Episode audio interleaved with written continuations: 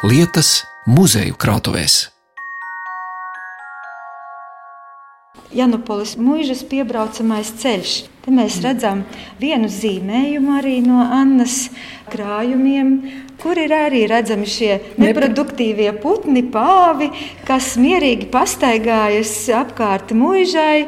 Redzam kādu meiteni, vienu laikam no Romeru meitām, visdrīzāk vecāko Jolantu, kas pietur zirgu, un arī zirgs ir apsadlots.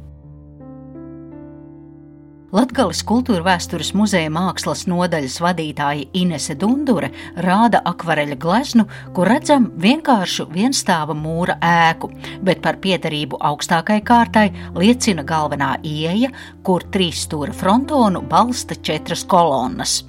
Turpat pie kāpnēm dīžājas apsadloti zirgi un gar puķu dobu pastaigājas pāvs. Tāds izskatījās Janopolis kungu nams pirms aptuveni 80-90 gadiem, kad tur dzīvoja poļu mužnieku Romeru dzimta. Tagad šajā vietā, 5 km no Rēzeknes, Griškānu pagastā, no mūža sēkas pāri palicis vien skrandains grausts, jo pēc otrā pasaules kara te iekārtoja mašīnu un traktoru staciju, vēlāk kolhoza darbnīcas un pēc padomju ēras sabrukuma arī ēka lēnām bruka kopā bet tās agrākais izskats ir iemūžināts Annas Soltanes Romeras darbos, tāpat arī apkaime un vietējie cilvēki. Un kopš 2016. gada vairākas gleznas kopā ar manuskriptiem, fotografijām un dzimtas vēstures pierakstiem ir nonākušas Latgales kultūra vēstures muzejā kā dāvinājums no gleznotājas dēla Henrika Severīna de Romera. Tāpēc raidījumā būs ieskats šajā poļu mužnieku dzimtā un tās gaitās Janopolē Latvijas brīvvalsts laikā. Un Inesei Dundurei būs īpašs stāsts par gleznā redzamajiem pāviem. Bet sākam ar mākslas darbā iemūžināto namu.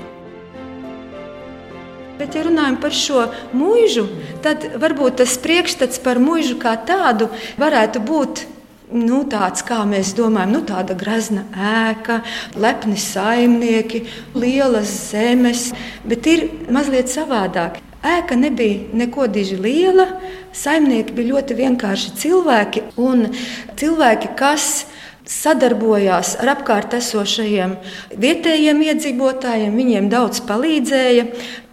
Tie ir īpaši stāsti, kurus mēs uzzinām no Henrija Severīna de Romera savāktajiem materiāliem un sastādītajiem pētījumiem, kurus eh, pārsvarā viņa tēvs bija veicis, bet viņš tā kā sastādītājs, es jums parādīšu šīs grāmatas, ko viņš ir izdevis nedaudz eksemplāros un izdalījis savas dzimtas piedarīgajiem.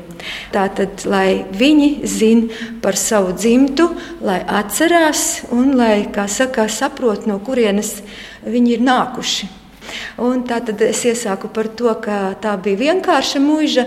Nu, ir tāds viens stāsts par pašu mākslinieci Annu, dzimušu Soltani, precētu Deromeri, ka viņa bija tā, pie kuras mammas veda savus bērnus, lai, piemēram, viņa tos potētu pret bakām.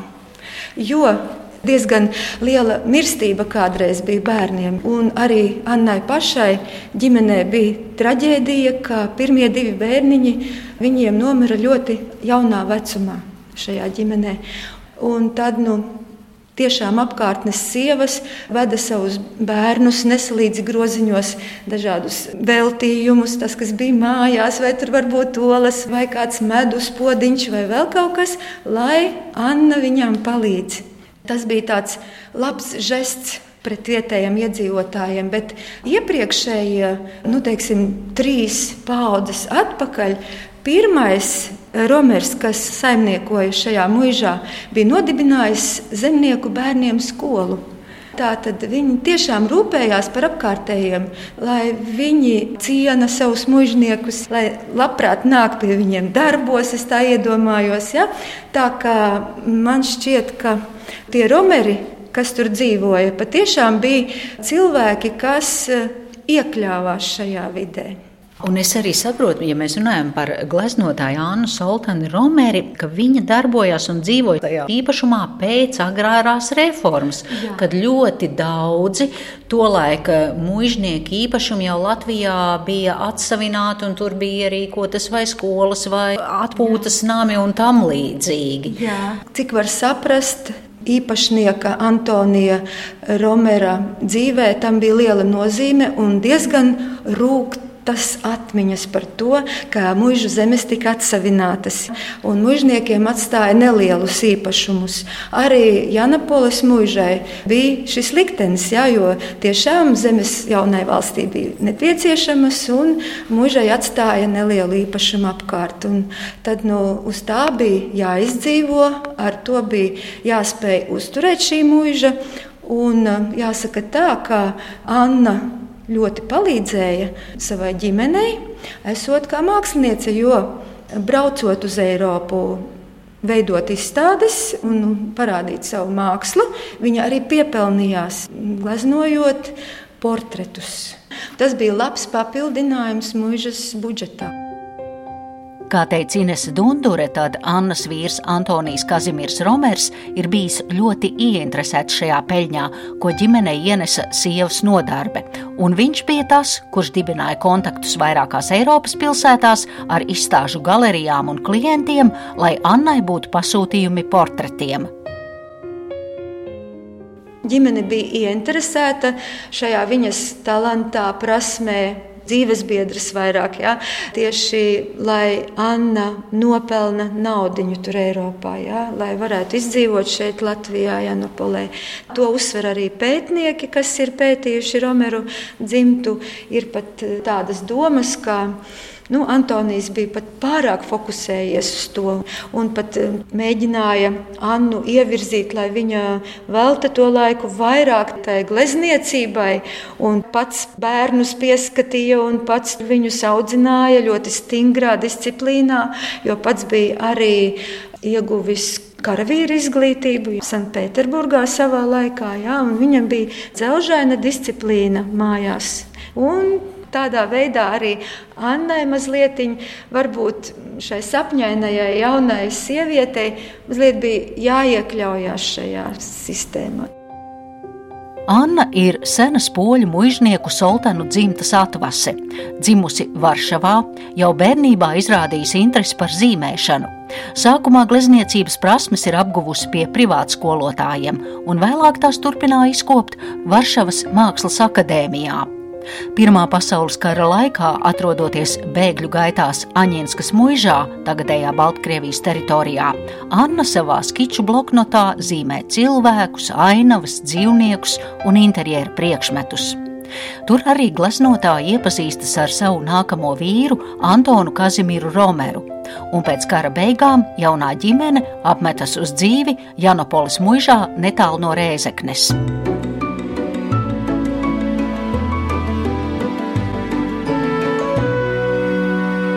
Vietu lietas. Jūs velkat no kastes ārā, tas, es saprotu, ir bezskābes papīrs, kādā parasti tiek glabāti krājuma priekšmeti. Četras grāmatas iesietas. Skaitās it kā četri sējumi ar pielikumiem. Jā dažāda informācija par dzimtas kokiem, saknēm un visu pārējo, kas ir ap šīm dzimtām. Un katra no šīm grāmatām ir veltīta savai tēmai. Un pirmā būtu veltīta Janapolis gadiem mūžā, un tie skaitās no 19. gadsimta sākuma līdz pat otrajam pasaules karam angļu valodā, jo es Jā. saprotu, tad, kad viņa otram pasaules karam sākoties, viņa aizceļo, emigrēja. Un... Sākumā viņi dzīvoja Bavārijā. Un Antonijas ģimenei pievienojās vēlāk. Viņam pat izdeva padomju pasi. Un tas ir brīnums, kā viņš vispār tika ārā no Latvijas, jo ir fotografija, kur Antonijs redzams Ja? Antonija Kazimiera Romera fotopadomu pasēja 41. gada marts. Tā kā viņš mm. izceļoja pēdējais, kārtojot visus šos īpašuma jautājumus, sūtot uz Viļņu. no Janapolē esošā dokumentiem, arī sievas gleznām, dzimtas priekšmetiem sūtīja uz Viļņu. Tur pašlaik tas viss arī glabājas trijās iestādēs. Tur ir tātad gan Lietuvas valsts arhīvā, tad ir Lietuvas vēstures muzejā, Nacionālajā vēstures muzejā un Lietuvas Nacionālajā mākslas muzejā. Mūsu tādā izpratnē varētu būt paši galvenie muzeji šajās abās jomās. Otrais sējums mums stāsta par pašas Annas Soltanes Romeres glezniecību un došanos prom no Janopolis. Tad trešais sējums stāsta par Vācijas pieredzi. 41. un 48. gads, 1900. Tā, un ceturtais sējums stāsta à. par visas dzimtas vēsturi. Ja, Tātad no 16. gadsimta vidus līdz pat mūsdienām. Jā. Un te ir redzama arī šī jā, glezna, kur ir uh, Anna Soltana Romere attēlojusi savas dzimtas māju un tagad es skatos uz oriģinālu. Tas, kāpēc es esmu šeit, ka jūs, jūs esat izlikusi no muzeja krājuma vairāk izstādi. un te es redzu, jā, šo vienstāvu mūra māju ar četrām pamatīgām kolonnām. Mēs skatāmies tātad uz to galveno, uz fasādes ieeju. Klasiska stila portiks tāds ar kāpnēm diezgan mm. augstām. Un tiešām ļoti vienkārša būve, gadu gaitā pārbūvēta. Ja, šo portiku uzbūvēja tieši pēdējie īpašnieki. Jo iepriekš bija koka lievenītis, tāds ar, arī ar kolonām, bet nu, savādāks. Ja, un, un šis ir jau jaunāku laiku būvējums. Un, kā redzam, mazliet ir atmosfēra no tā laika mūžas kad uh, skatāmies, ka tas var būt agrs rīts, kur pie mūžas šīs ieejas ir um, novietojušies cilvēki ar apseglotiem zirgiem. Turpat sēž. Varbūt uz medībām jā, dodas, medību suns. Jā. Jā. Skrien meitenes divas ar kādu groziņu, varbūt vēlas iedot līdzi pusdienas šiem medniekiem, kas dodas medību varbūt izbraucienā vai arī ne medību izbrauciens, tas varētu būt kārtējais ceļojums, jo šajā ģimenē bija pieņemts ceļot jāšus ar zirgiem pie saviem radiniekiem vai pie draugiem. Tā viņi tiešām gan uz Daugaupils pusi brauca pie radiniekiem, gan uz austrumu pusi, gan Grāznas ezeru, uz Silajāņiem un vēl tālāk. Bet kas ir interesanti, ka te ir uzzīmēts arī pāvs. Vai Jā. tas ir mākslinieces tāda fantāzija, vai viņiem ir bijuši šie eksotiskie putni? Jā, e, Janupolis mūžā ir bijuši dažādi eksotiski putni, un ir pat tāds stāstīns no mūsu muzeja bijušās darbinieces, kā viņa zina savu vecāku kaimiņus kuru mājās pēc Romeru aizbraukšanas, emigrācijas nonāca viens no šiem putniem. Un tad e, šī saimniece bija savam vīram pārmetusi. Viņš bija nu, tātad atnācis, varbūt tur bija mūžas īpašuma kaut kāda nodošana vai dalīšana bijusi. Un tad viņš atnācis mājās ar pāvu, un, un sieva viņam saka, nu, kāpēc tu tādu neproduktīvu putnu atneši? Tālūk, praktiskie latgaļu zemnieki savulaik pāvus ir vērtējuši, bet mēs ar Latgales kultūra vēstures muzeja mākslas nodaļas vadītājas Ineses Dunduras palīdzību turpinām iepazīt poļu mužnieces gleznās tvertos latgales cilvēkus un apkārtni. Un, ja mēs paskatāmies uz eh, Annas mākslas darbiem, tad redzam, ka viens no tādiem baltgalvīšiem kas te redzami fotografijā, ir arī uzgleznots. Un šis ir portrets, kas tapis 30. gadā, un cik varam noprast, šeit Henrikam Severīnam de Romeram ir četri gadiņi. Cilvēkam, kurš uzdāvināja mums šo visu skaisto krājumu. Puisēns ar tādām nopietnām, pelēkām zilām acīm, blondiem matiem. Un tad mamma ir uzzīmējusi savu dēlu. Jā, viņa ļoti bieži gleznoja. Tātad iesākumā, kad Romeru ģimene apmetās Janupolē, tad um, Annai bija ļoti daudz maisaimniecības darbu. Sākuma gados, pāris gadus, viņa nespēja savienot tādu gleznošanu ar maisaimniecības darbiem, bet pamazām, jau kad iegājās viss ritms, viņa kļuva brīvāka mazliet ikdienā, tad arī atsāka savas glezniecības prakses. Jo iepriekš viņa bija gan zīmējusi, gan gleznojusi, mazliet mācījusies Varšavas Mākslas akadēmijā kursos, bet var redzēt, ka viņai bija no dabas dots talants, saredzēt un ļoti tieši to parādīt. Bet, protams, ar mākslinieciskiem paņēmieniem.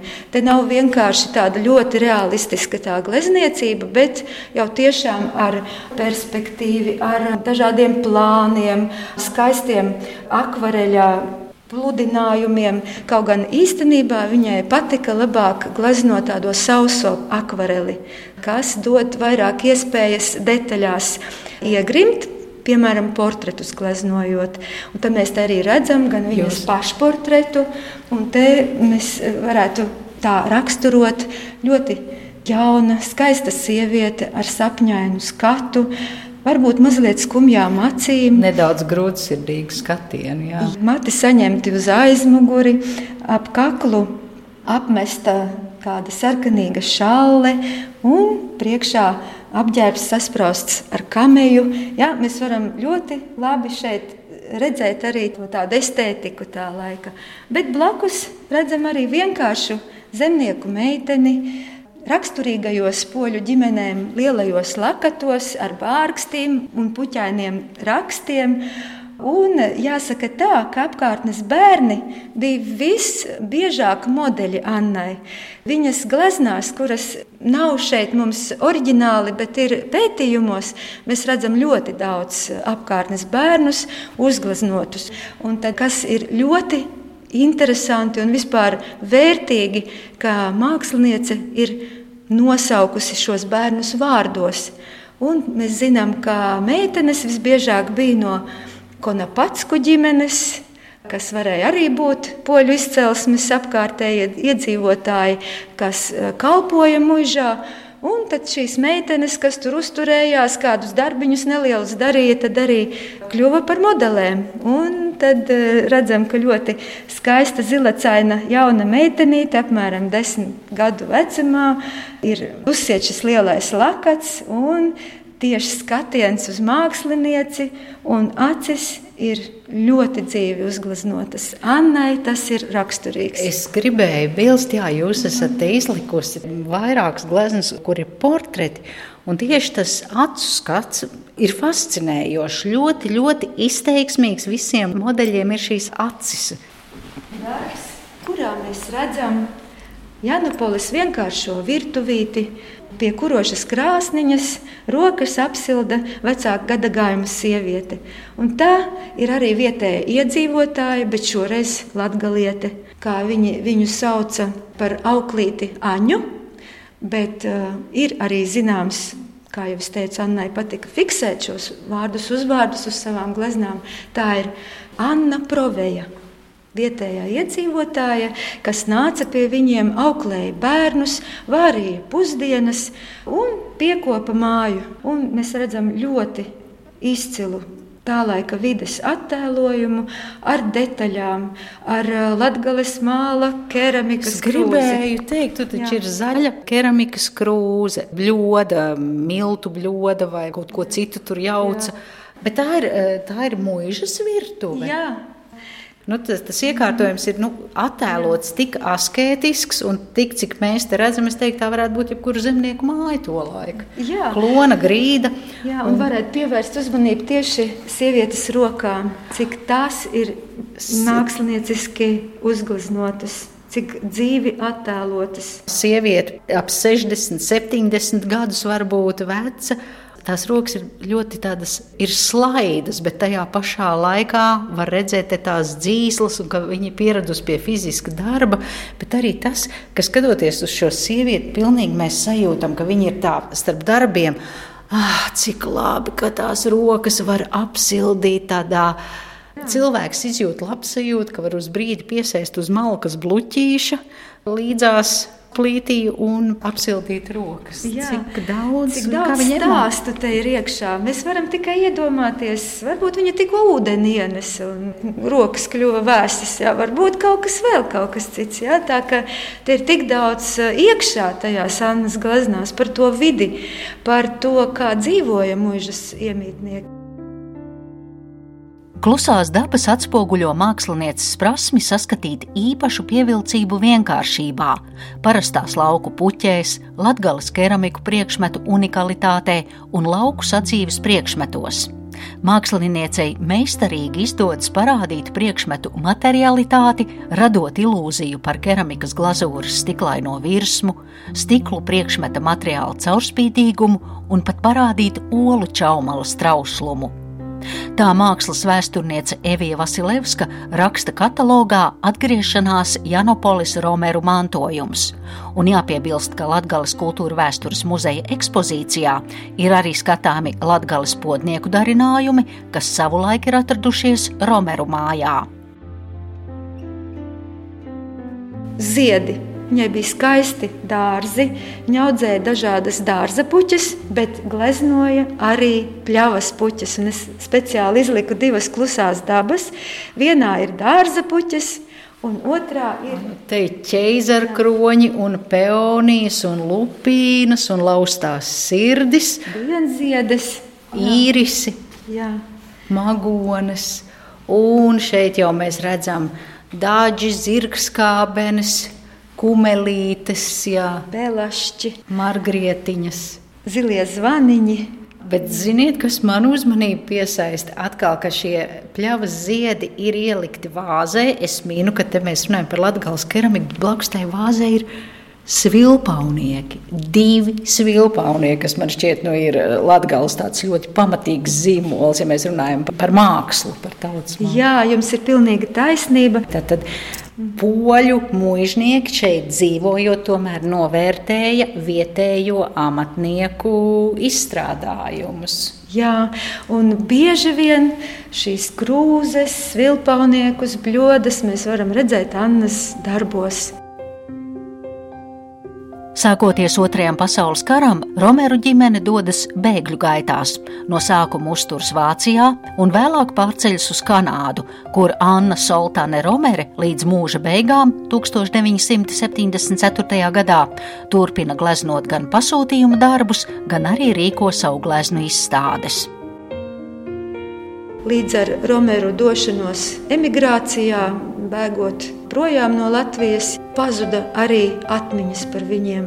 Un mēs, var teikt, visus šos okupācijas gadus pilnīgi neko neviens nezināja, kas tā par tādu ēku, kas tur dzīvojuši.